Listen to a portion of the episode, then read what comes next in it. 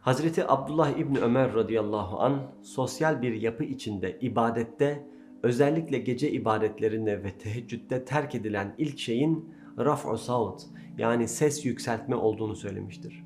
Hatta tarihte belki de bildiğiniz çok meşhur bir rivayete göre Salahaddin Eyyubi gece yürüyüp bütün çadırların kıyamla canlandığını görene kadar Kudüs'e doğru yola çıkmamıştı. Efendimiz Aleyhisselatü Vesselam da bütün evlerin gece vakti kıyamla canlı olduğundan emin olmak istemiştir. Elbette namaz kılarken Efendimiz sallallahu aleyhi ve sellemi değil de Allah'ı düşünmemiz gerekir. Allah'a dua ederiz. Ama Efendimiz zamanında yaşıyor olsaydık ve Peygamber Efendimiz kıraatimizi dinliyor olsaydı neler hissederdik?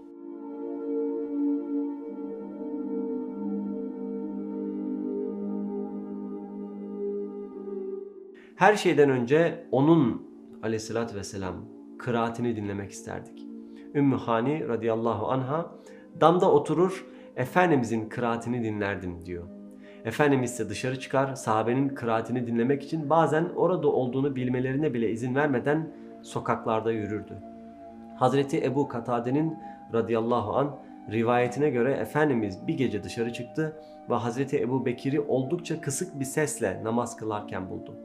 Arkasından Hazreti Ömer'in evinin yanından geçti radıyallahu an ve tabii ki Hazreti Ömer'in yüksek sesli kıraatini işitti.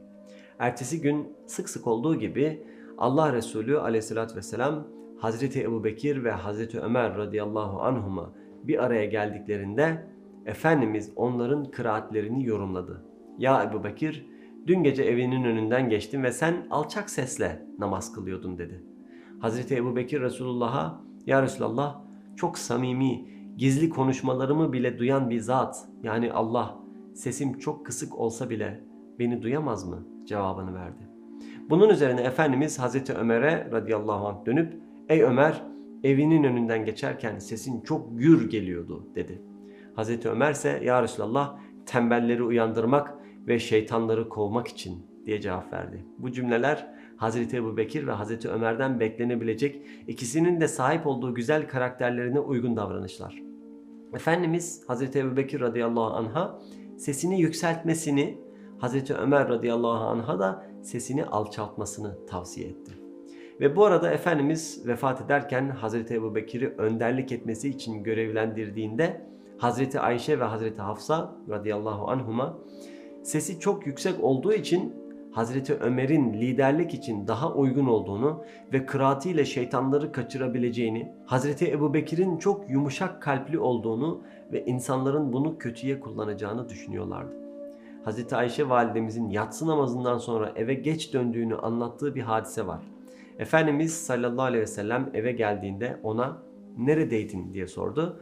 Hazreti Ayşe validemiz sahabelerden birinin kıraatini dinliyordum. Bu kıraat kadar güzelini duymadım diye cevap verdi. Bunun üzerine Efendimiz Aleyhisselatü Vesselam kalktı. Hazreti Ayşe de radıyallahu anha onunla birlikte kalktı ve Efendimiz hadi gidip onu beraber dinleyelim dedi.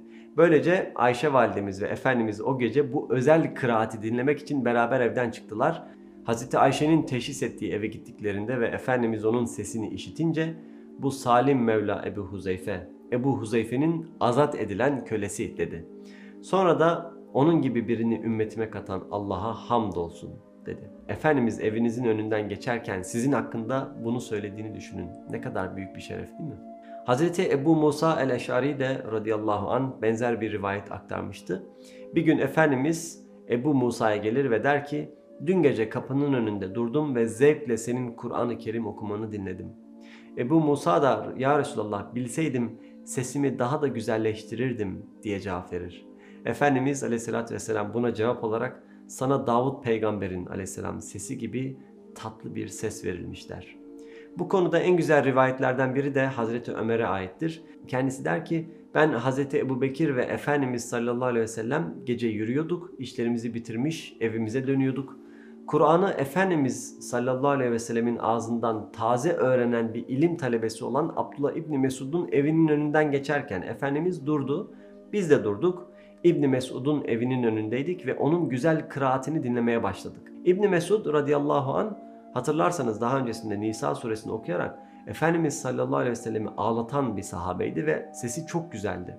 Kapısının önünde Efendimiz aleyhissalatü vesselam Hazreti Ebu Bekir ve Hazreti Ömer olduğunu bilmiyordu. O Kur'an'ı okudukça okuyor ve Efendimiz de hareket etmeden onun bütün kıraatini dinliyordu. Ve sonra İbni Mesud namazını bitirmek üzere önce rükuya, sonra secdeye gider ve namaz sonrasında da dua etmeye başlar. İbni Mesud'un dua etmeye başladığını fark edince Efendimiz ellerini kaldırdı ve üç defa iste ne istersen sana verilecek diye dua etti.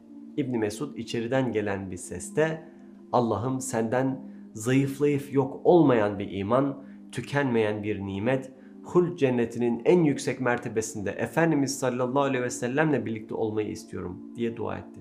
Ve Resulullah amin dedi. Hazreti Ömer diyor ki ertesi gün dün gece seni dinlerken Efendimizin bu duana amin dediğini biliyor musun? Demek için heyecanla İbni Mesud'a vardım ama o dedi ki Hazreti Ebu Bekir seni yendi ve bana bu haberi verdi. Hazreti Ömer daha ona gelemeden Hazreti Ebu Bekir çoktan bu kutlu haberi ona vermişti. Hazreti Ömer radıyallahu anh'ın tepkisi ise çok güzel. Dedi ki Ebu Bekir'in beni yenmediği bir hayır yok.''